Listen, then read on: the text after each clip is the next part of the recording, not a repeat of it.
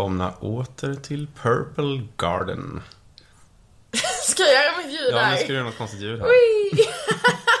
Det kändes tomt när jag inte gjorde det. Ja, jag håller med. Och eh, Purple Garden är ju, som kanske vissa vet, en podcast som tar avstamp i det breda, djupa, komplexa begreppet lycka. Och eh, det finns ju oändligt många förgreningar där. Så Ja. Börjat beta av några och vi fortsätter vårt eh, korståg här för att, för att hitta meningen med livet och lycka och hur man blir lycklig. ja, hur blir man egentligen lycklig? Ja, Give me an answer. göra saker man älskar Ja, så ofta man kan. Ja, exakt. Hur, eh, innan vi går in på dagens ämne så tänkte jag bara fråga, hur mår du idag? Jo, men jag tycker ändå att jag mår bra. Jag känner mig ganska grundad och lugn. Men också ganska trött. Mm, vi, jag fick ju höra förut idag att igår så öppnade det något astrologiskt fönster som var i en vecka. Ja, precis. Och att- Eller då förra veckan får vi väl säga för er som faktiskt lyssnar på det här. Precis, vi vi, spel, spelar in det vi här. spelar in det i den 9 augusti. Exakt. Eh, och eh, igår var det den 8 8 vilket även är känt som Lions Portal, eller Lejonets portal, Lions Gate snarare, Lejonets portal. Eh, Som är en, eh, en otrolig linjering av eh, himlakroppar och annat energier i universum som står på led. Eh, Som gör att det är en, en otroligt kraftfull tid. Jag brukar säga att det är liksom dörren till Eh, inte till hösten, men dörren till liksom, ja men så, ta lejonets kraft och liksom manifestera ut det man vill göra och bjuda in det man vill leva i sitt liv framåt liksom. Så det är en, eh, sägs vara en väldigt eh, kraftfull energiportal som hjälper oss, ja men att, att så, nu ta avstamp i det vi vill göra. Vilket också blir ganska fint, för det är lite så, om man tittar på astrologin, eller alla tecken i astrologin, så lejonet är liksom fire och eld och kraft och köra på. Eh, och se på mig och här är jag. Men eh, efter det här så om ungefär, ja men ganska nära när det här avsnitt, avsnittet har släppts, jag tror det är den 21 eller 22 eh, augusti så går vi in i då jungfruns tecken. Och jungfru är ju ett jordtecken och ett tecken som står för struktur och ordning som är ganska så, väldigt kopplat till skolstart, komma igång med jobb igen, sätta rutiner. Eh, brukar faktiskt vara en oerhört välkomnande period som tar lite avstamp mot hösten, mot struktur och ordning och reda. Och det är ganska skönt när man har haft liksom de här ganska, ja nu har det ju varit då tre månader utan att vi har varit i jordens tecken. Och man känner att det är ganska skönt att få så grunda ner, hitta rutiner och liksom nästan skaka bort lite den här sommarenergin och kraften som är så otroligt kraftfull. Och då brukar man säga att så, men nu från och med då eh, igår då, Lionsgate, eller ja, för en vecka sedan, en och en halv, när, ni, när det här släpps. Eh, så är det fint att ta all den här energin som man har byggt upp under sommaren och ja, låta den få strålas in mot det man vill bygga framåt. Mm, så man kan säga att vi har eldat på varandra och oss, själva under en tid här nu och sen ska vi snart få lite andning, andningsrum. Ja, det skulle vi verkligen kunna ta ett, ett helt avsnitt om. Eh, till Får jag också flika in, är det Ja. därför vi, vi båda vaknar upp ganska trötta och sega i morse trots att vi sov många timmar? Har det med den här portalen att göra? Alltså det kan ha att göra med att det är mycket energier eh, i samband med att den här portalen öppnas. Men jag tror också det kan ha något att göra med de här otroliga väderskiftningarna som sker i vår egna atmosfär. Eh, faktiskt. Sad, tråkigt svar, men så skulle jag kunna tänka mig att det är. Men, eh, men apropå det borde Stormen vi... Hans. Ja, exakt. Hans har ju varit här och tror förstått många nattsömn och det har ju varit verkligen högtryck och lågtryck om vartannat. Och det brukar också kroppen ha lite svårt att och, ah, anpassa sig för. Den gillar liksom när den vet vad den får. Det är ganska stor skillnad i lufttryck och sådär atmosfären. Men Ja. innan vi går vidare tänker jag att det hade varit fint att hålla ett avsnitt och förklara alla olika astrologitecken och hur de faktiskt kommer med året och nästan hur året och skolgång och allt är liksom på, alltså uppbyggt efter det. Det är sjukt intressant. Låt oss prata om det. Ja, men, men, eh, misstänker att du vill ha ett eh, avsnitt om det. ja, tack. Du Men, hävdar ju eh, att universum har en påverkan på hur vi är som människor och hur vi mår. Minst sagt, definitivt. Hur mår du då? Ja, men jag mår bra skulle jag säga. Men lite så här trött och mosig när jag vaknar upp som sagt. Men eh, jag känner mig, jag säga, ganska grundad. Mm. Det är väl fortfarande... Man fort, försöker väl fortfarande komma tillbaks till verkligheten efter Borderland. Det är nu två, nästan två veckor sedan vi kom hemma. Mm. En och en halv. Du har också haft en co-creation i helgen. Ja, det var ju ytterligare en topp kan man Ja. säga. Det var eh, Gott Snack Festival. Faktiskt här i Gröndal, på, vid båtklubben. Mm, fantastiskt härligt. Det känns ju som att vi kanske har pratat hål i öronen på de som lyssnar, men just det här med Summer of Love. Men eh, det var verkligen en eh, sån känsla där. Det var eh, otroligt sprudlande och glatt och härligt och positiv energi och det var flera hundra som kom förbi mitt co-creation-tält och kladdade på där. Och det var hela dagen i princip. Och det är ju nästan som en drog för mig. Jag kom ju hem hög som vanligt efter en sån. Av, naturlig, av naturliga eh, anledningar. Ja, naturliga glädjehormoner som fick spridas i kroppen.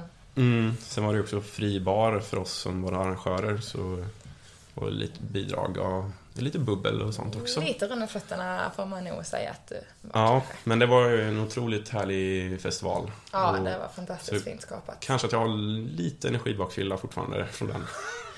Det bara ackumuleras, Borderland till nu. Ja, Mm. låt oss, tänkte jag, låt oss ta det lugnt, men eh, det här är paret ska ut och, och fara vidare framåt. Jag tänkte säga året ut, men augusti ut. Mm. Eh, vi lever på den här lejons eh, eldiga energin som sommaren avslutar med i sin topp ett tag Mm. till. Vi Vi ska bara eldar, hitta, hitta tillbaks till vår egen energi. mm, vi, vi eldar på. Men idag ska vi prata om något helt annat. Ja, vi ska prata om oss själva. Vi ska Vi- prata om ego. Om ego, exakt. Detta betvistade, omtalade, vattendelade ämne som eh, ja, filosoferna har eh, slagit sig blodiga kring och ja, genom alla tider egentligen. Och eh, fått ett uppsving senaste åren i, i takt med yogavärldens eh, renässans här. Det är ju ett otroligt intressant Eh, koncept, just ego. Hur Vissa anser det vara eh, djävulens påfund och ja, vi ser väl kanske också att det finns väldigt mycket bra saker med ego. Vilket vi kommer att eh, belysa lite under det här avsnittet. Mm. Ja men verkligen. Nej, men egot är ju otroligt spännande. Det finns så oerhört många vinklar från egot.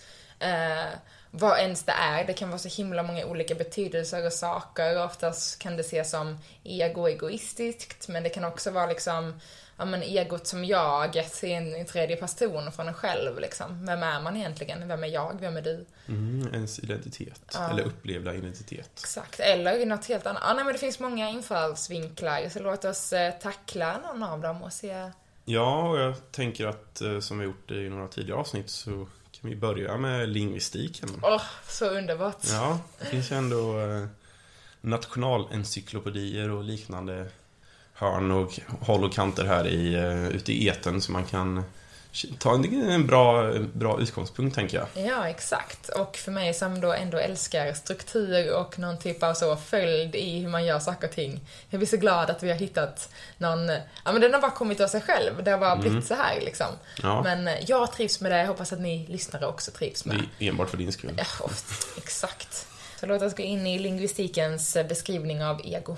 Ja, och den här gången har jag faktiskt letat fram tre källor. För att det här är ju ett, eh, ego är ett koncept som är så otroligt eh, brett och folk har olika syn på det. Så jag tänker att det, för att eh, täcka så mycket som möjligt så tog vi med en extra här. Spännande. Mm, vi börjar med vår, vår gamla trotjänare Oxford Dictionary, Yeah. såklart. Och de menar på att ego är en persons känsla av självförtroende och självviktighet. Det var en gäsp från mig här. Det var ingen kul med lingvistik. Jag tänkte vi kunde skippa den. Det var verkligen inte en gäsp i att jag var trött, utan jag gjorde Det var världens... så intressant att du inte kunde hantera det. Jag gjorde världens gäspning nu här för ni som inte ser oss, men det var en sån, jag behöver luftgäspning. Det var inte alls en trött gäspning. Det var, eh, för er som inte vet det då, så ofta gäspar vi faktiskt för att vi har ont om syre. Och vi kan också få ont om syre när vi blir trötta, för att vi inte andas ordentligt. Men detta var bara en gäspning för att jag behövde fylla på med syre. Ja, Men du är tillbaka nu. Jag är tillbaka nu. Ska vi, för alla er som också fastnade hemma i gäspningen och tappade helt vad Erik sa nu i min gäspningsdiskussion här och utredning i efterhand. Låt oss ta den en gång till. Ja, en persons känsla av självförtroende och självviktighet. Mm. Alltså vad man tror att man själv är, skulle Ja. man kunna säga. Men jag, alltså jag tycker typ att det ligger ganska mycket till det. Jag håller på att läsa en bok nu av Michael A. Singer, eh, som jag tror jag har nämnt tidigare. Ehm, och han pratar väldigt mycket om, liksom, men vem är jag? Och på något sätt, liksom, det kan vi aldrig riktigt svara på, eller det är en väldigt djup fråga. Men jag tror också så, jag, jag tycker inte, eller jag vet inte riktigt vad jag tycker, men i den i kopplingen till det här, så men egot är liksom inte, alltså egot är liksom lite sig själv i det man ser sig själv på. Men betyder, betyder inte vara något som, man, som någon annan ser en som. Nej, det var ju vad, vilken person jag tror att jag är. Exakt. Och vilken viktighet jag tror att jag har. Vi kan ju ta nästa också, för här, nu, börjar, nu kommer vi till en som, Fast då har jag ju en, en inflikning här. ja, flika på. Så det är väldigt spännande, för i astrologin, om man tittar på sitt chart, så pratar man väldigt mycket om sol, att man, soltecken, alltså det stjärntecken man är. Till exempel jag är oxe, du är vattuman. Ja, det finns ju, alla har ju sitt, sitt soltecken eller sitt stjärntecken. Och det står för jaget, liksom vem, vem, ja, men vem jag är. Samtidigt som vi har något som kallas ascendenten, eller vårt rising sign. Eh, som är det tecken som står absolut högst upp på himlen, det, den liksom tidpunkten som vi föds. Och då brukar man säga att ascendenten, att man ska läsa sitt horoskop då utifrån sin ascendent. Just på grund av att ascendenten är så som världen uppfattar en, eller som andra uppfattar en. Mm. Medan solen då i det här fallet skulle vara egot. Mm. Men liksom det som faktiskt är jag, eh, i andra fallet då ascendenten, det är liksom hur andra ser på en.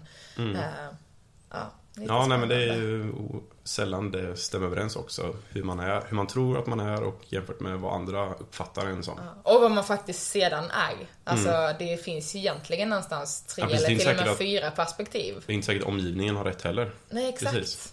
För det är också så vi går ju runt och bär olika masker och byter olika liksom, ah, fasader hit och dit beroende på vilka vi umgås med, i vilka sammanhang vi är. Eh, men det är så ha vem är jag eller vem är egot i det. Ja, vi, kan, vi kan gå vidare till din andra definition innan vi grottar vidare i den här. Ja, Det finns mycket att gå djupt i. Ja, den nästa är från vocabulary.com. Eh, och de här tar nästan ställning i det här. För det, vanligtvis brukar sådana här definitioner vara väldigt neutrala.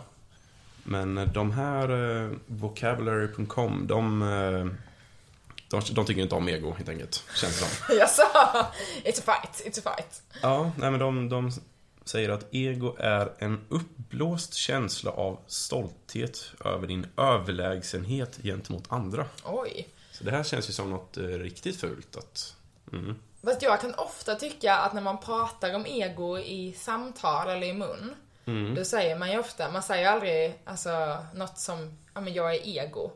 Eh, där man säger liksom så, ego är egoistiskt, det är ju något fult när man pratar om det i, i alltså nästan språkligt tal. Det är aldrig som att man pratar om att så, mitt ego, utan det, och ego blir ofta något vi blåser upp oss själva till att vara liksom. Ja, men en uppblåst känsla. Jag tänker, det finns väl människor som har en neut- ganska neutral eller neddämpad känsla kring sin person.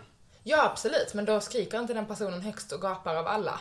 Nej, men Och då säger man inte att den är egoistisk. Nej, men den har ju fortfarande ett ego. Alla ja, ja, människor absolut. har ett Alla ego. människor har ett ego. Men alltså, jag säger inte att jag tycker det är rätt, för jag tycker den känns väldigt, liksom, vriden åt ena hållet. Men sättet som vi talar om det i munspråk när vi nämner ego, vi pratar aldrig om, om ett ego. Vi pratar om att man är egoistisk. Mm. Eh, och oftast i ett negativ samklang, precis som de lyfter upp det, att man är ja, men uppblåst och lyfter upp sig själv och om man som sagt inte gör de där ljuden och kastar upp med armarna och ter sig på mig, tittar på mig, då är man inte så egoistisk utan då är man mer mid, eh, mild och lugn. Eh, men jag menar, hur ofta pratar, hur, när pratade du om ego senast, förutom med mig senaste veckan? Äh, men det är väl, alltså, vi pratar väl om ego ganska ofta. Ja, men inte på ett sammanhang, ja vi kanske, Ja. men det är för att vi har en helt annan syn på vad ego är liksom. Mm. Eh, Ja, nej, eller, alltså, jag, menar, jag menar bara att i muntal, när vi pratar om ego, så är det oftast för att någon är egoistisk. Liksom. Det är ju troligtvis det som jag tror många människor kopplar ordet ego till, så är det egoistiskt. Ja, ja, ja, inte minst vocabulary.com. Ja, exakt. Vilket också är väldigt spännande för, alltså det latinska ordet för jag är ego. Ja, precis. Och vilket är så, det, det, men det är liksom, jag tycker om att vi kan få plocka ner ego till den här mänskliga nivån som, ja men enligt, eller enligt mig, som det faktiskt är. Mm. Inte det här upplåsta mitt ego. Det är som att man kan prata om mitt ego som något annat, liksom. Och, Mm. Men mitt ego är så himla, liksom, vet inte. Jag tycker också det är intressant att de använder just ordet din överlägsenhet gentemot andra. Mm. Det är också, eh, ja, inte riktigt så jag ser det. Att, när man, att, jag, menar, jag, jag har ett ego. Jag, när jag är i en- i en grupp människor kan jag ju jämföra mig själv med de andra. Men det är sällan, eller aldrig som jag har en känsla av överlägsenhet. Det kan väl mer vara att jag är annorlunda. Jag har de här karaktärsdragen som är annorlunda mot de andra människornas kar- karaktärsdrag. Men just det där med att det skulle vara någon överlägsenhet. Att ego handlar om att det är en överlägsenhet gentemot andra. Ja, nej, men det är väl ordet egoistisk i så fall som man pratar om i det här. Eller som de liksom har förväxlat eller, ja, jag vet inte om de har gjort det, men som jag antar att de lyfter upp i det här fallet liksom. Jag tänker också att det kan, finna, att det kan röra sig om underlägsenhet gentemot andra. Att man eh, känner sig sämre än andra omkring sig. Ja, väldigt ofta. För här tar de verkligen ställning att det är överlägsenhet gentemot andra. Men det känns ju verkligen som att det de beskriver är ordet egoistisk och inte ordet, eh, eller delen ego i sig liksom. De pratar ju om, om egot som den där upplåsta personen som bara vill lyfta upp sig själv, typ. Mm. Jo, det finns ju sådana personer också. Men det, det, det, det är ju inte ego, i alla fall i mina öron. Nej. Den tredje, nationalencyklopedin, alltså den tredje definitionen, den känns väldigt så klassisk svensk. Den är ganska, ganska neutral och torr och torftig. De, de säger att, eh, att ego är kärnan i en individs inre personlighet. Det tyckte jag ändå var väldigt fint. Ja, det var neutralt liksom. Ja, Precis som vi alltid har varit i alla krig och, eller ja, som vi eventuellt har varit i alla krig. Neutrala alltså. Ja. Mm, men det var de, de tre. Mm. Om vi betat av eh, lingvistiken. Ja, vad känner du om den tredje och sista då? Tycker du, för Det är egentligen den jag håller med mest om faktiskt, även om den är ganska torftig. Men jag kan faktiskt hålla med. För, det är, för ego är, behöver inte vara positivt eller negativt. Nej. Det är som sagt kärnan i en individs inre personlighet. Ja, och det är, för det är verkligen liksom det här... For good or bad. Ja, och när vi bryter ner det, vad är egentligen ego? Vad är jaget? Vad är den där jaget som jag ser mig själv som, som andra ser mig som? Vem är jag i den där inre kärnan? Mm. Och det är så, det vet vi inte riktigt tror jag. Nej. Och om vi tittar på det från medvetandets perspektiv, vad är det då? Ja. blir det helt plötsligt väldigt komplicerat. Mm. Eh, ja. Det är ett komplicerat eh, ämne. Ja, oerhört komplicerat. Och det är liksom också... Alltså jag tycker att hela jaget och bara förståelsen kring vem man är. Alltså det är nog den största frågan jag tror man kan ställa sig själv. Mm. Men för, till, till vår hjälp här då så har vi ju hämtat in några riktiga tungviktare Yeah. inom, den, inom filosofin. Framförallt den psykologiska filosofin. Yes. Och egentligen eh, fadern för det här begreppet ego. Jag vet inte om det var, om, om det var han som myntade det, tror jag inte det var, men han som populariserade i alla fall, eller som verkligen eh, benade ut vad ego är. Och det var ju Sigmund Freud. Och eh, han kallade det för tre olika stadier. Das S, som är detet. Han är ju då tysk, så det, eller österrikare. Jag är lite osäker här. Ja, tysktalande i alla fall. Och Sigmund Freud, som var neuro, neurolog och eh, grundare av psykoanalys. Eh, alltså den förgreningen av eh, psykologisk eh, filosofi, kan man säga. Han tog fram en modell för att beskriva just eh, människan och medvetandet och egot. Och tre olika stadier, eller tre olika nivåer.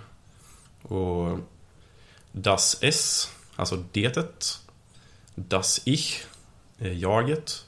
och Das Über-Ich som är eh, alltså superjaget. Och om man börjar från början, alltså Das Detet så handlar det om det, alltså det instinktiva, det, de primala känslorna vi har. Det begären.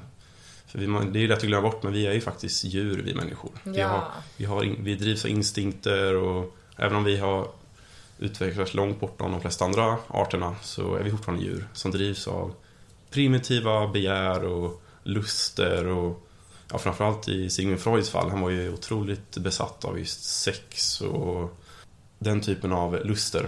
Men vi har ju oerhört mycket, det är ganska spännande eftersom vi pratade förra avsnittet väldigt mycket om hur, hur aktivitet i hjärnan rör sig. Och vad heter det nu, bakre delen av hjärnan, alltså vår, eh, det vi, alltså, nu tappar jag liksom ordet. Mm, jag minns inte heller vad det Nej, ja. Men vår djurhjärna helt enkelt. vår absolut mest primala del av hjärnan som ligger längst bak.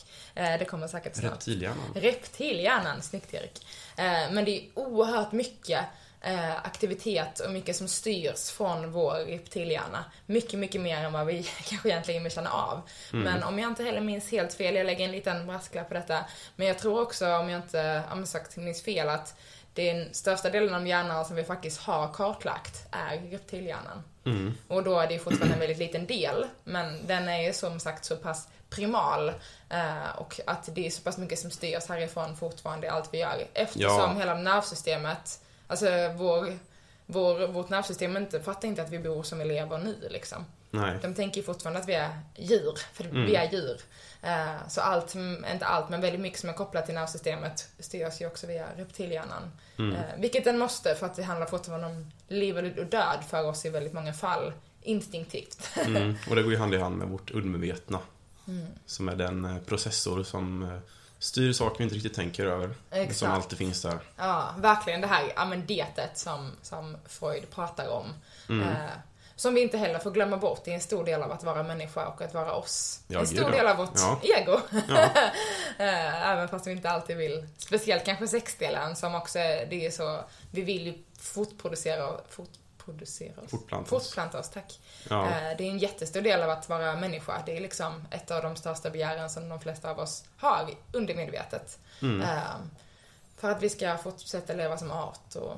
Mm. och ja, nej, det är Ja. spännande det här detet. Det finns Detet, ja mycket där att grotta ner i vad det ens är och hur den kopplingen är till faktiskt egot. Ja, men instinkter, begär och luster och saker som vi inte riktigt kan kontrollera. Ja, precis. Det är, det är svårt att styra över. Ja, Mm, och så om vi kan ta den tredje stadiet först då. Das Über-Ich. Alltså Über-Ische. superjaget. Och det är Alltså, ju... det är något underbart med tyskan ändå alltså. Ja. Låter mer mäktigt. Ja, väldigt mäktigt. Über-Isch. Mm. Eh, Det är ju mer eh, vårt högre syfte, eller moraliska, hur vi, hur vi ska anpassa oss till resten av världen. Alltså vår moraliska vägvisare i princip. Så här, hur man beter sig bland andra och hur man... eh, Men, plikt och moral och förhåller sig till sin omgivning och... Eh, ja, Är samhällets regler också inräknade i den här? För jag menar, han levde väl på mitten av 1800-talet, va? mm, Är det liksom, för jag menar innan, alltså för om man tittar till liksom 5000 år tillbaks, vi hade väl säkert någon typ av samhälle och system. ja men det var ju hur du förhåller dig till din eh, tribe liksom. Ja, Det- och det är en stor del av det här liksom att... Det har alltid funnits. Ja, hur du förhåller dig till andra. mm, Sen har vi ju i mitten då, där har vi ju jaget, das Ich, ish. alltså egot. Mm. Och Och det- ish betyder ju jag Ja, precis. Det kanske är är väl. Ja, vet jaget eller ja, egot. Ja. Jag vet inte, de har, jag tycker det är fint att de eh, menar att han jobbar med orden på det sättet på tyskan liksom. Det går inte att direkt översätta men ja. Mm. Jaget, egot. Och han, han menar på att eh, den här mellanstadiet, alltså egot, eller jaget, att det är någon form av medlande kraft som balanserar de här två andra. Alltså de här primitiva, instinktiva krafterna. Alltså vi som djur. Det saker vi verkligen vill göra, men ja. Och sen, eh, alltså vi kan ju inte följa våra instinkter hela tiden. Vi kan inte gå runt och hoppa på folk på stan bara för att vi känner för det. Och... Kanske dåligt exempel, men Ja, men man kanske blir lite irriterad, typ det kan jag, alltså så bara för ett exempel liksom. Jag kan verkligen så, nu kanske jag också borde säga ifrån, men om jag ser någon typ stå och röka eller sånt och kasta ciggen på marken. Alltså jag kan typ bli så jävla förbannad. Alltså jag kan typ så bara, "Ugh, stoppa undan den där någonstans, lägg, alltså, smutsa inte ner, ta den i fickan eller i en papperskorg. Du, apropå då vill jag slå ner folk, nej.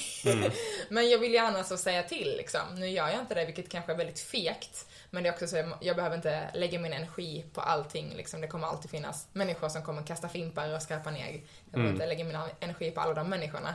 Men, ja, så hoppa på. Men absolut, jag menar, vi har road ragers, vi har ja, men folk som eh, ändå blir förbannade och men just det här med att bita ihop och knyta näven i fickan och gå vidare. Ja. Eh, Det är ändå verkligen, käns- alltså, ja, men sätta känslorna i andra rum helt enkelt. Vilket vi är väldigt mycket i västvärlden. Det är så, paketera in allting. Eh, som är våra känslor, som vill ta utlopp, som är en stor del av det här primala. Som vi upplever i varje sekund. Känslor som kommer och går. Och det kan vi inte styra över våra känslor, utan det ligger ju väldigt primalt liksom. Nej, det är detet. Det är verkligen det. Och såklart man ska få följa sina instinkter och följa sina begär och luster. Men man måste också samtidigt förhålla sig till samhället. Samhällets eh, normer och regler och hur man behandlar sina medmänniskor. Mm, Och, respekt. ja, och man kan inte bara göra det ena eller bara det andra. Liksom man måste hitta en balans mellan de här två. Och det är just där jaget kommer in och medlar. Det är väldigt spännande det här liksom när man tittar på Alltså, de är verkligen extremer av varandra. Det här är primitiva, våra känslor, vårt utlopp eller vad man ska säga. Eh, vår överlevnadsinstinkt. Samtidigt som vi har det här helt andra som egentligen helt imaginärt liksom. Alltså pengar, uppbyggnaden av jobb och system. Och då pratar jag inte om att så, tunnelbanan ska funka eller att jag ska kunna, eh, vet inte, sjukskriva mig för det är liksom system bakom systemen. Eh, utan verkligen just det här, så, men att vi har liksom, vi har satt upp regler eh, som igen, alltså allt är ju bara påhittat liksom. Vilket, och det funkar sjukt bra får man väl ändå säga, liksom relativt såklart. Det finns olika sätt att styra på olika sätt som funkar bättre och sämre. Men just det här med att så, men att vi ändå har ja, kommit in i det här med att så, man, man behöver ha ett jobb och i det här jobbet ska man betala skatt och om man köper någonting så betalar man moms för att det ska in till staten och staten ska kunna erbjuda x antal saker eh, till det här samhället då. Det är liksom det är, som, ja, men det är verkligen det här hamsterhjulet medan eh, det här primitiva är liksom egentligen bara en rak linje som bara vill fjum! För att det är så vi vill agera från den primitiva hjärnan. Eh, men vi kan inte köra rakt igenom allting ifall det är massa väggar och liksom boxar som vi måste ta oss in och igenom. Eh, och verkligen där hittar vi den här balansgången och landar i ja, typ den personen vi är och hur vi förhåller oss i jaget från våra känslor och instinkter till det samhället som vi går och verkar i.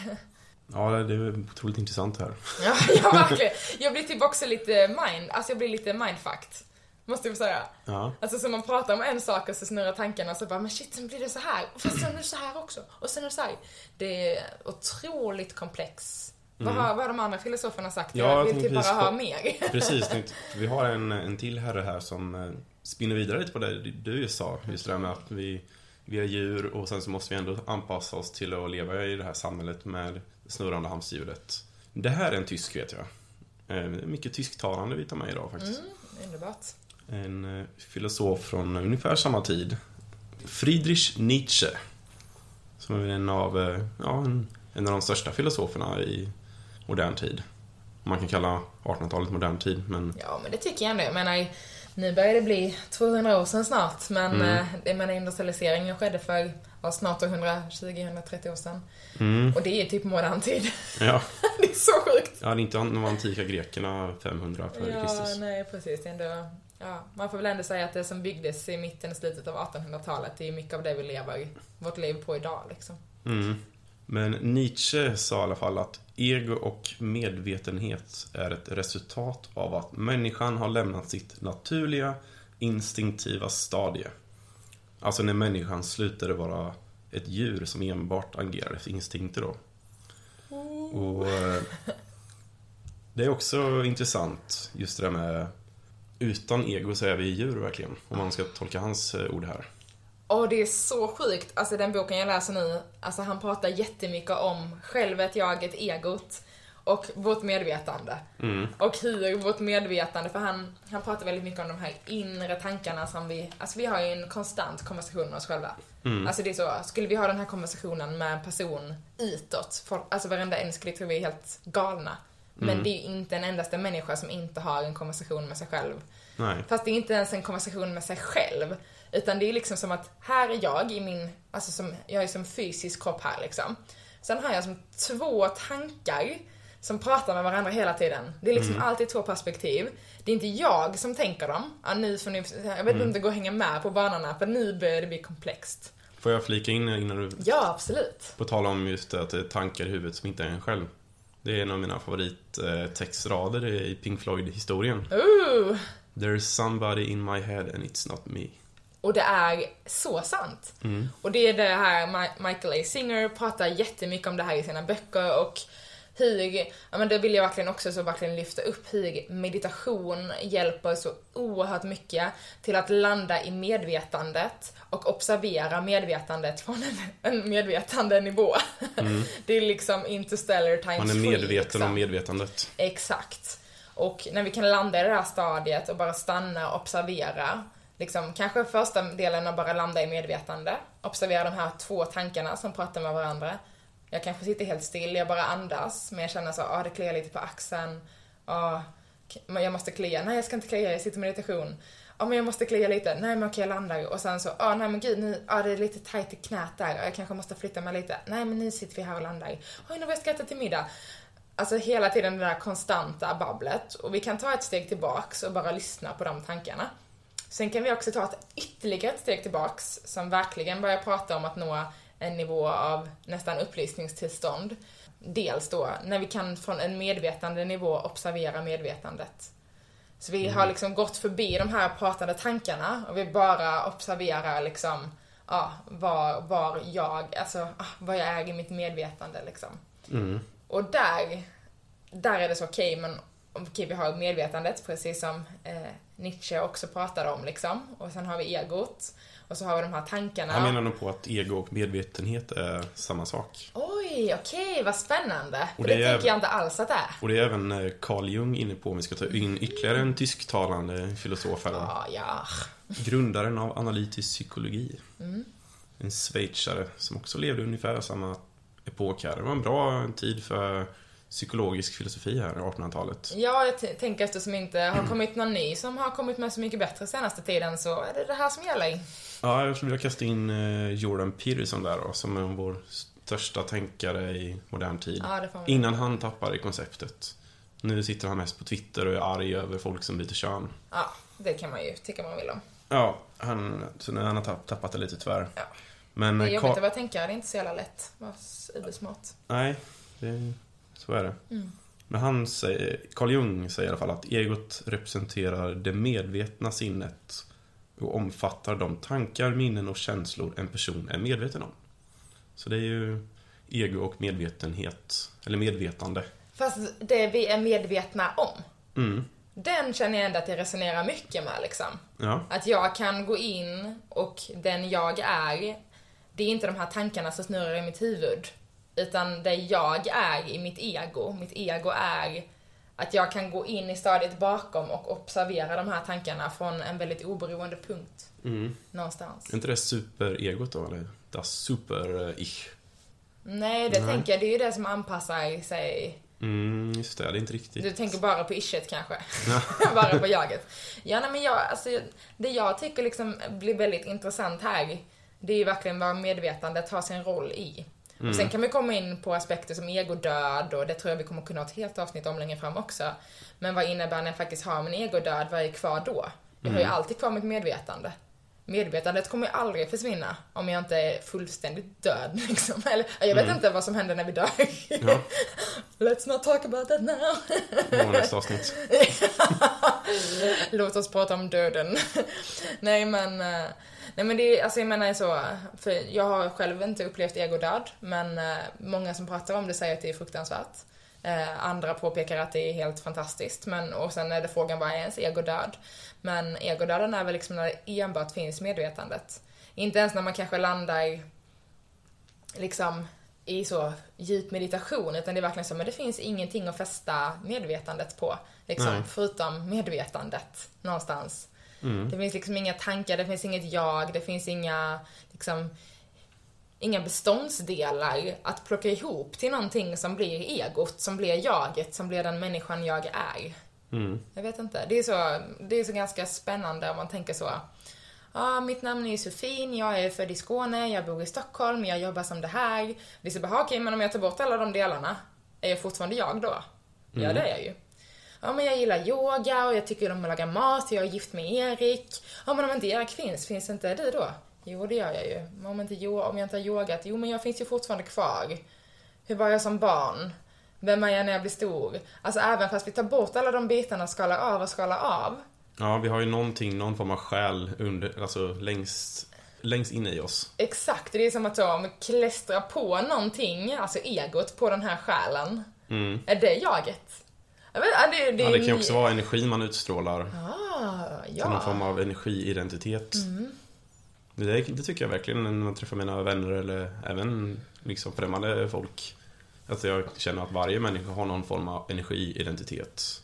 Eller utstrålning eller vilket ord man nu vill använda. Ja, Och verkligen. det har du också, definitivt. Du har en eh, väldigt speciell energi. Så även om du säger upp dig och gör slut med mig och skalar bort varenda litet lager du har så har du fortfarande kvar den här eh, ja, energiidentiteten eller, eller själen kanske.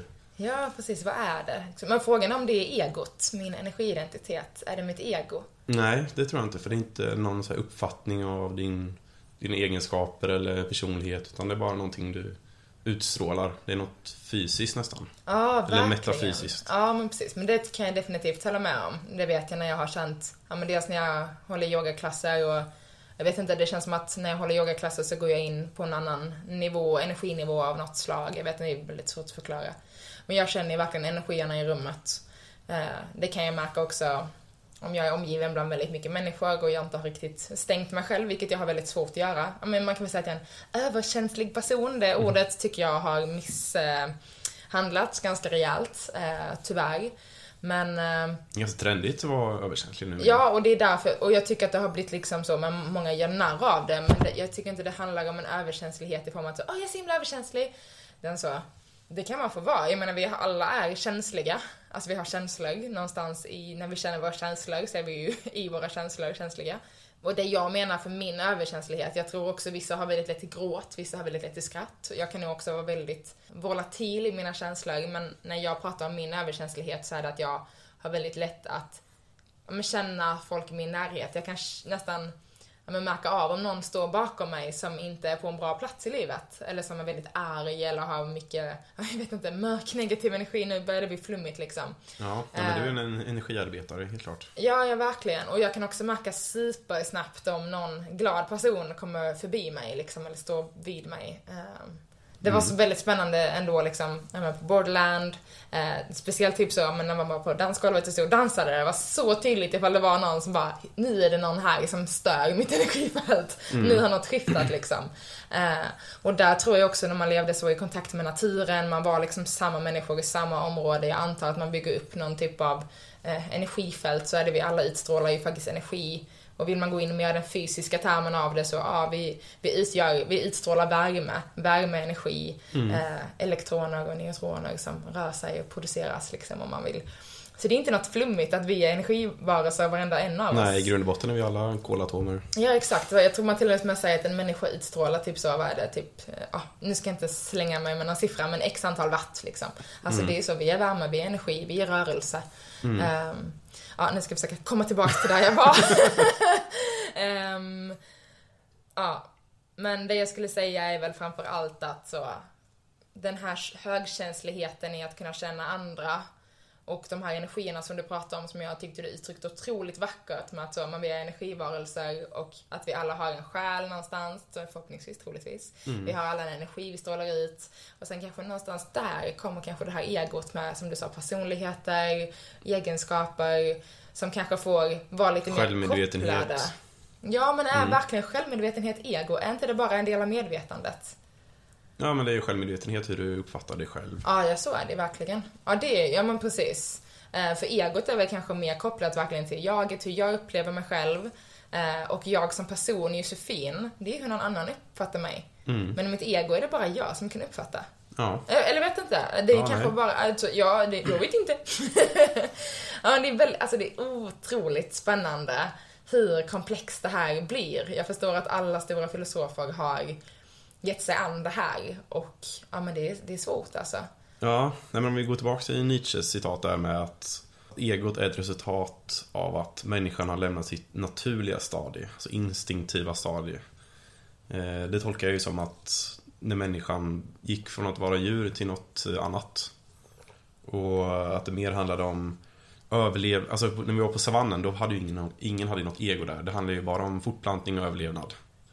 Och... Eh, hur kul tror du livet var då liksom? Ja, nej mindre, ja men vi var inte så utvecklade liksom. Nej men vad det, exakt vad, det känns som att Man det hade fanns, inte så mycket mål. det fanns ingenting att leva för riktigt. Nej, Men överlevnad. fort, fortplantning liksom. Ja, Jag skulle, jag skulle vilja slå ett slag för att eh, världen idag är otroligt mycket roligare och härligare att leva i. verkligen. Men samtidigt är det så, är det Färglöst eh, på savannen ju. Ja, men är det egot som har gjort att vi har lämnat det stadiet eller är det en högre nivå, nivå medvetenhet? Alltså jag menar djur har ju fortfarande starka personligheter. Mm. Visst att de agerar väldigt mycket från deras instinktivhet och kanske är 100% för de har ju fortfarande starka personligheter. Visst nu är det svårt att jämföra med en hund, men jag menar även lejon och tigrar har väl starka personligheter som man kan... Sen är det så svårt att säga för det vi... Ja, men när man kokar ner det så är det oftast eh, mat och sömn och ja, värme. Jo, jo absolut så är det ju liksom. Och det, för det har man ju sett, eh, eller har man sett, men vi har i alla fall sett det och, och alla som har sett Our Planet eh, och Planet Earth-serierna eh, då är- visar ju till och med liksom så om en lejoninnan som lyckas, eller ifall det är en tiger, ja, jag tror det är en lejoninna som liksom lyckas fälla den här antilopen och hon har mat i flera veckor och sen kommer hennes syster förbi liksom. Men det, hennes syster får inte smaka på maten. Nej, men det är ju instinkter, Ja, överlevnad. exakt, verkligen. Jaget och Noll, mitt- noll ego. Undrar vad som händer med djur, alltså typ ett lejon då, Ja, när de får ett- barn liksom. Ja, jag skulle säga, jag har ett exempel på ett eh, djur som har ego. Ja. Vår gamla labrador Mozart. Ja, vovve. Men alla bovar har ju fantastiska jag- Det är personligheter. framförallt ett, framförallt ett ögonblick som eh, sticker ut när man märkte att han har ett stort ego. Och det var när vi var hemma hos dina föräldrar i Åhus.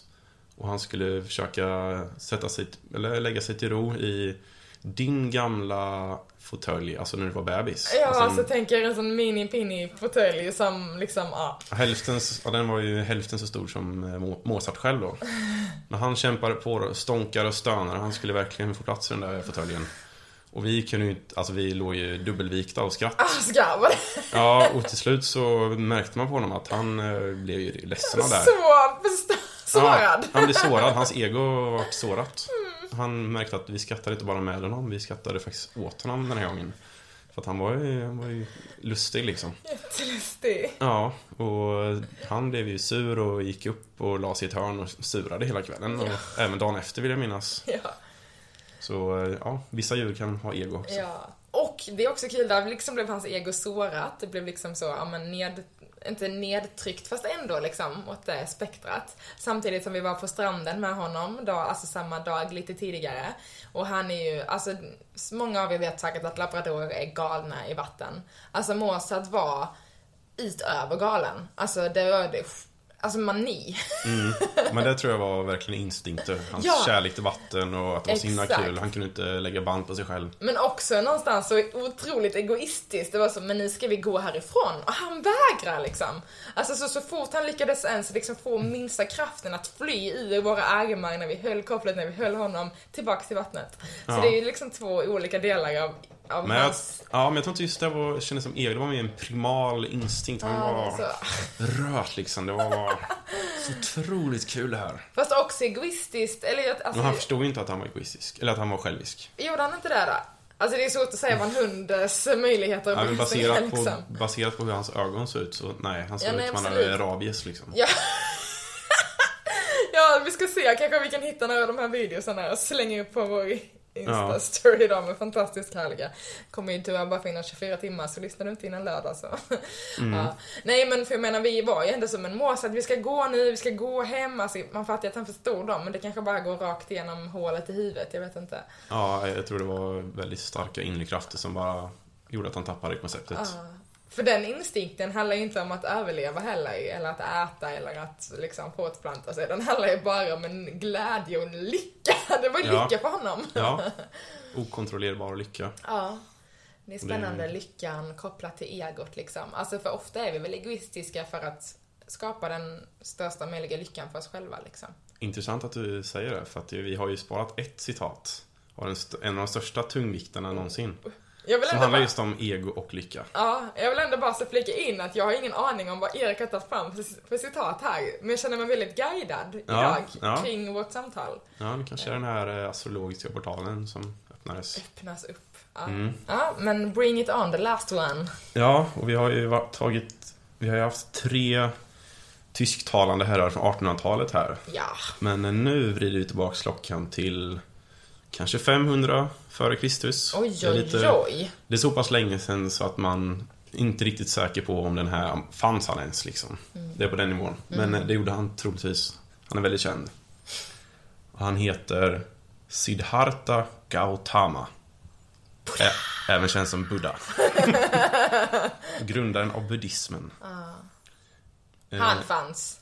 han fanns. I'm sure of it. Ja. Hans troligtvis. väsen i alla fall. Ja. Inflikning. Ja, Buddha var egentligen eh, väldigt lyckligt lottad i livet genom att födas i ett otroligt vackert eh, kast. Han var ju då prins, Ja, skulle bli krigare. Eh, mm. Men Good for eh, him. tog en annan riktning i livet får man säga. Så eh, ett exempel på att även fast man är född till prins eh, så betyder inte det att man har allt i livet. Nej, man behöver inte följa sitt öde. Eller det som man har eh, blivit tilldelat. Exakt, istället så satte han sig under ett träd och blev upplyst istället. Mm. Ja, bland annat. Det är mycket bra saker som händer under träd. Ja. Vad heter han? Newton, det var väl så han kom på eh, den här... eh, Ja, men alltså han fick, Han fick ett äpple i trädet och fattade att så, ah, gravitation. Ja, precis, gravitation ja. Han fick ett äpple i huvudet och... Mm. Så det är mycket bra saker som händer under träd. Att eh, kraften och vikten från objektet, Mm. eh, eller ja precis, tyngdpunkten alltså 9,82. Mm. och massan ger oss eh, Newton, alltså kraften i dragningen inåt. Mm. Men Buddha sa då, och nu tar jag det på engelska för det lät alldeles för pajigt på svenska. First, remove I. That's ego. Then remove want. That's desire. And now all you, you're left with is happiness. Så ta bort jaget och dina begär så kommer du bli lycklig, enligt Buddha. Alltså det ligger så mycket i det ändå alltså. Mm, ja, jag har vissa, vissa saker att ta upp här. Ja. Men fortsätt. Ja, jag tänkte kasta över bollen, men okej, ska jag? Ska jag? Nej, men jag, jag kan, alltså min egna tolkning, absolut. Att eh, om man tar bort alla, sitt jag och sina begär och luster och absolut att man... Fast där tycker jag ändå, får jag bara slänga in, jag tycker Ja. att begär och want, inte riktigt Viljor då, okej. Ja, jag tycker ändå de är lite olika för som vi har pratat om lite begär och lust. Det är väldigt det här primala, Ja, det här liksom, ja men vi, sexuella för att fortplanta oss. Det tycker jag är en annan sak från att jag vill ha den där. Okej, men ta bort din vilja eller agenda eller ja. Mm. saker du vill uppnå. Och det är ju ofta så när man har storslagna mål och visioner och saker man vill uppnå och inte riktigt når fram så blir man oftast eh, missnöjd och man är olycklig och absolut att eh, han har en poäng där. Men eh, alltså jag försöker måla upp en bild av en värld utan ego. Alltså vad, hur hade den världen sett ut? Det hade varit en värld, en värld utan iPhones och rymdraketer och Hollywood och Zlatan Ibrahimovic och Pink Floyd och Salvador Dalí och jag kan göra listan väldigt lång här. Eh, för det, det som är den gemensamma nämnaren bland alla de här sakerna jag nämnde är att det är en person, eller flera personer med egon. Som man vill, alltså det handlar ju om självförverkligande. Som de har tagit fram alla de här grejerna. Allt vi ser omkring oss här i världen är ju från grund och botten så är det ju människor som har velat förverkliga sig själva. Touché, ja nej men verkligen. Alltså världen skulle ju absolut inte se ut som den gjorde idag ifall alla lyssnade på Buddha för två och ett halvt tusen år sedan. Nej, det skulle vara ganska plan. Det skulle, Väldigt folk skulle, platt. det skulle inte vara varken toppar eller dalar. Nej, vi skulle väl vara, alltså, Varken hackat eller malet. nej vi skulle väl troligtvis inte vara människor. Eller alltså, vi skulle bli något annat liksom. Mm. Och, eh, alltså det, visst nej precis, man kanske inte plockar bort egot eller ej helt och fullt. Man kanske inte plockar bort allt man vill, för jag håller med dig, alltså 100%.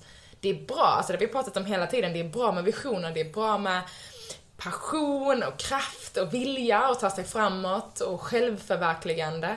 Ja, alltså självförverkligande och mycket- ego är ju verkligen hand i hand. Ja, och världen blir en mycket roligare och mycket mer intressant plats med tanke på, ja, tack vare att det finns människor med egon som har, eh, och där egot har varit en form av drivkraft. Att jag vill förverkliga mig själv, jag vill eh, göra ett avtryck på den här världen. Och det har varit en, ett bränsle för att orka göra de här projekten för att nå dit. Men tycker du sa något väldigt fint där?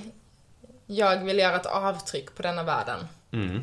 Jag vet inte, alltså visst det vill vi väl alla någonstans, vi vill väl göra förändring på något sätt liksom, kanske inte alla, men man vill göra det lilla man kan i form av avtryck, alltså man behöver inte förändra världen med det man gör eller kan nå ut med liksom. Men man kanske kan påverka någons liv som i sin tur påverkar någons liv och ja. Exakt, men bara kolla på dig. Alltså du älskar ju yoga mer än något annat här i världen. älskar dig. Ja. Men ändå topp tre. Ja, du nå- kommer ju nummer två. Ja, det är någonting du brinner väldigt starkt för. Ja. Och eh, du gör det ju för att du älskar det. Men du gör det också för att du vill göra ett avtryck, skulle jag säga. Du håller ju säkert fem yogapass i veckan. Och eh, hjälper andra att nå till dina stadier liksom. Och det är ju ganska egoistiskt också. För du mår bra av att eh, ditt ego blir, du mår bra av att få göra det här.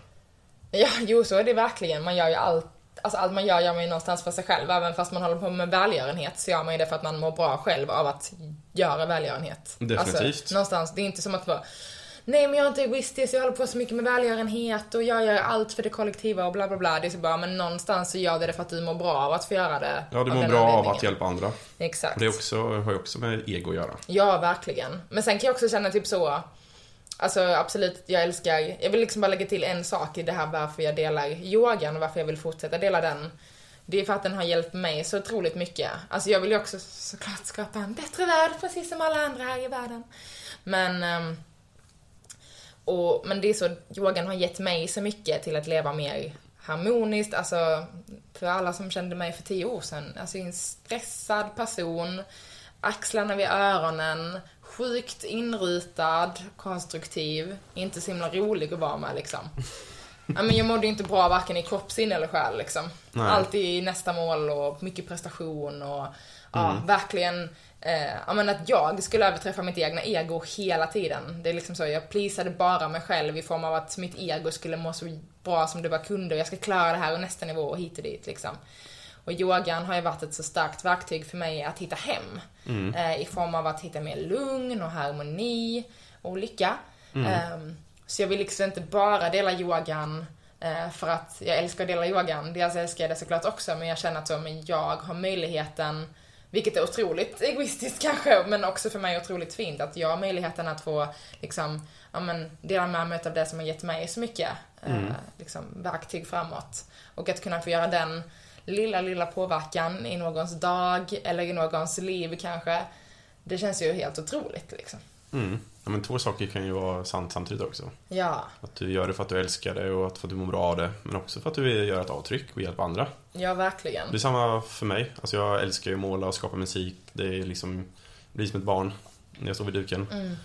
Men, och jag älskar att arrangera såna här co-creations och hjälpa andra att måla.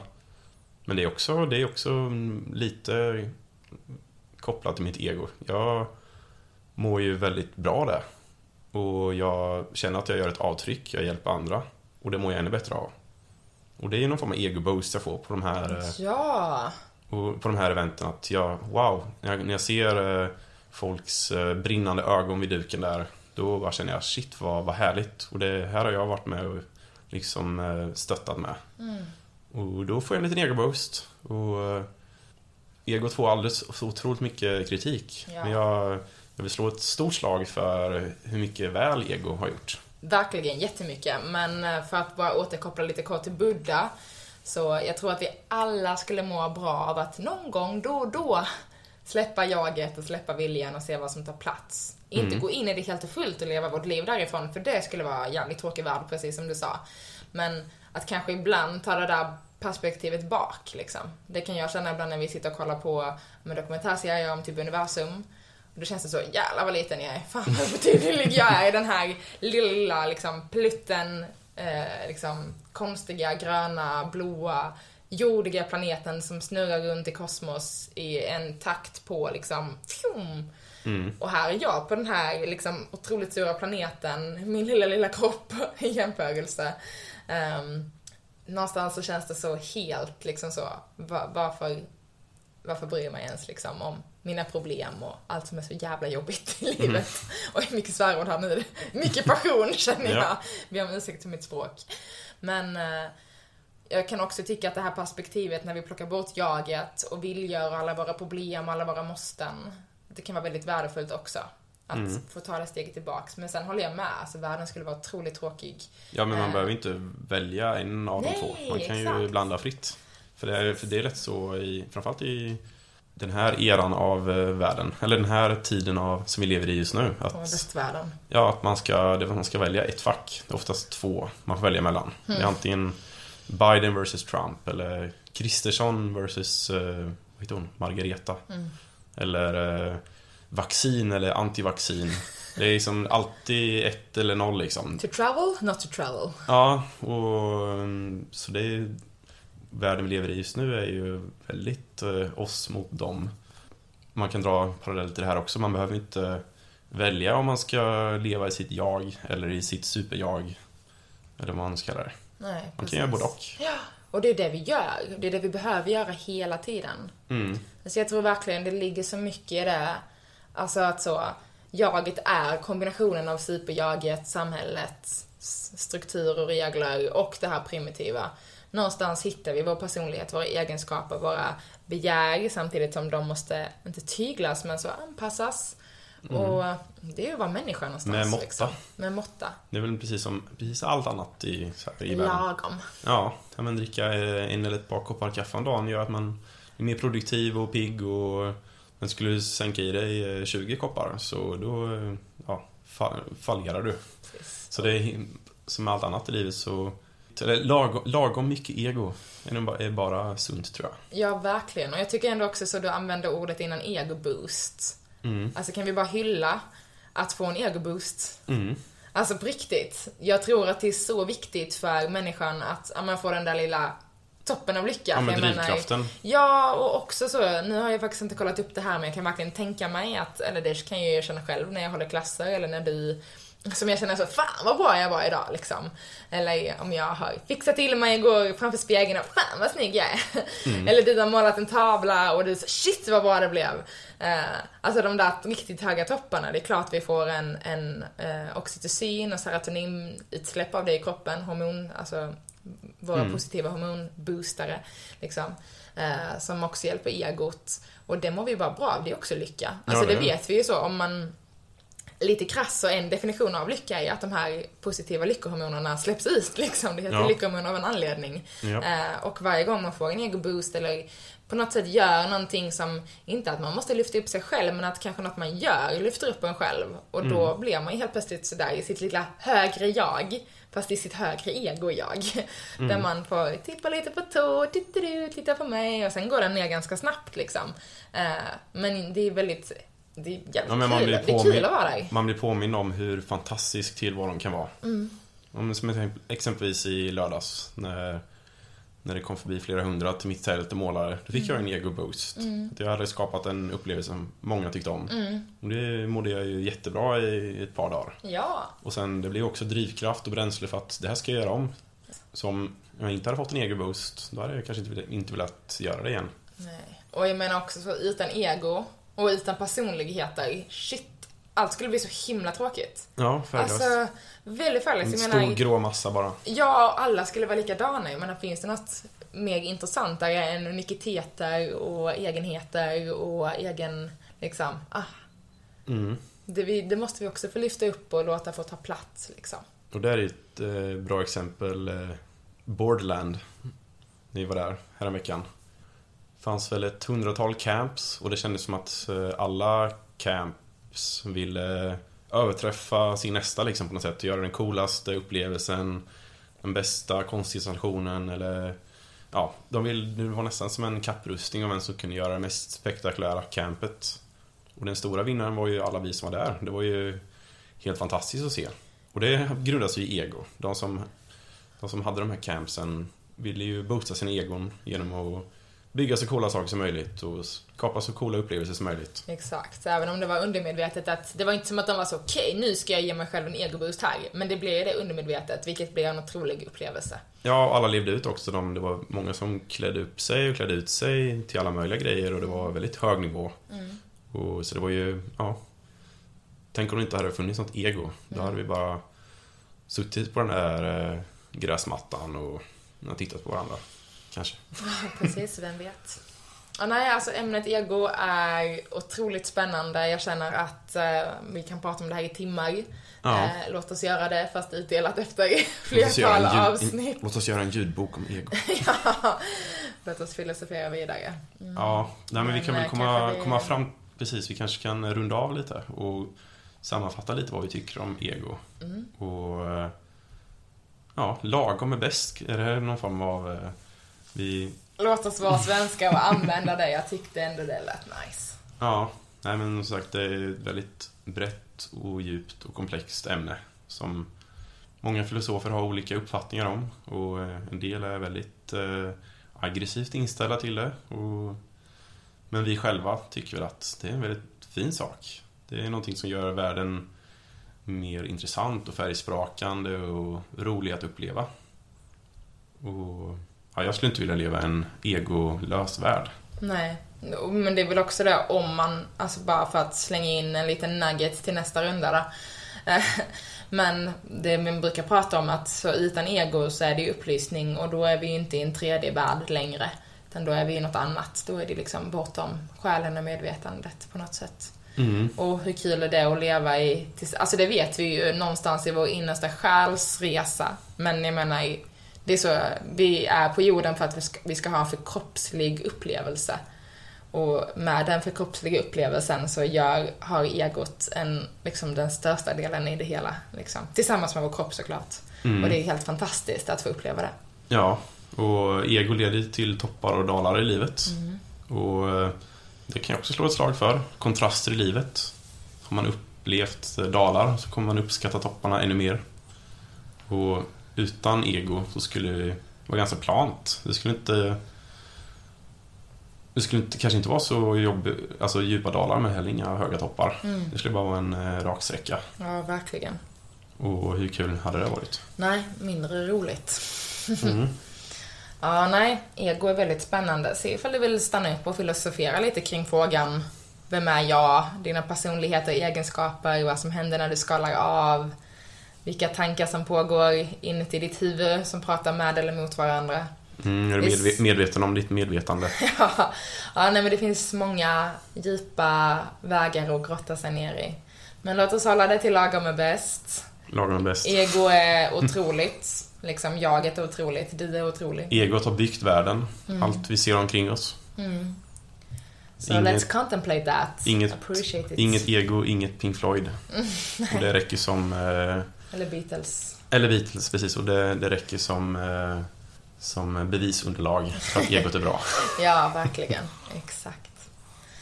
Ja, shit. Jag känner mig eh, helt... Eh, alltså både superpirrig och också jättetrött. Det här Mm. var... Är lite Eh, snurrig i huvudet här. lite snurrig i huvudet. Det här var liksom tungt Mm. processera, men eh, otroligt...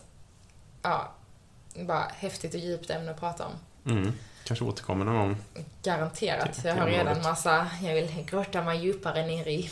Mm. Ja, men eh, vi, vi avslutar för där idag. Mm. Och eh, tackar så mycket för att ni har lyssnat med oss. lyssnat med oss, lyssnat på oss. Mm. Detta avsnitt om ego och jagen och jaget och Vi tackar eh, Freud, Jung, Nietzsche och Buddha för de visa orden. mm, och även alla andra fina filosofer som har bidragit med ah, bidragande faktorer till det här ämnet. Mm. Okej, men eh, om man vill eh, se den här superglada vovven på, på stranden eller den ledsna vovven i fåtöljen, var, var hittar man det klippet då någonstans? Det hittar man förmodligen på Our Purple Garden Our Purple Garden. på Instagram. Ja. Det är där vi håller till. Ja, exakt. Och där kan ni ja, såklart läsa mer om avsnitten. Det kommer, um, vi är verkligen inte nybörjare på det, men det är nypåbörjat. Mm. Uh, och där får ni jättegärna också kontakta oss kring vad ni tycker om avsnitten, det vi pratar om, ifall ni har önskemål eller förslag på ämnen eller gäster. Ja, Mm. Där helt enkelt kontakta oss där. Fritt fram. Fritt fram. Vi är bara tacksamma för att eh, ja, få input från er som lyssnar på oss babblandes, Mm. filosoferandes. Ha en eh, riktigt fortsatt fin ah, dag, kväll eller vecka eller när du nu lyssnar på det Och här. lyssnar du på fredag när vi släpper det så rekommenderar vi att ha en njutbar fredagkväll. Och en underbar, njutfull helg. Mm. Glöm inte bort att njuta av livet. Det är viktigast alltså. Låt Boosta egot få ego. Mm. skina, exakt. ja, puss och kram på er. Puss och kram!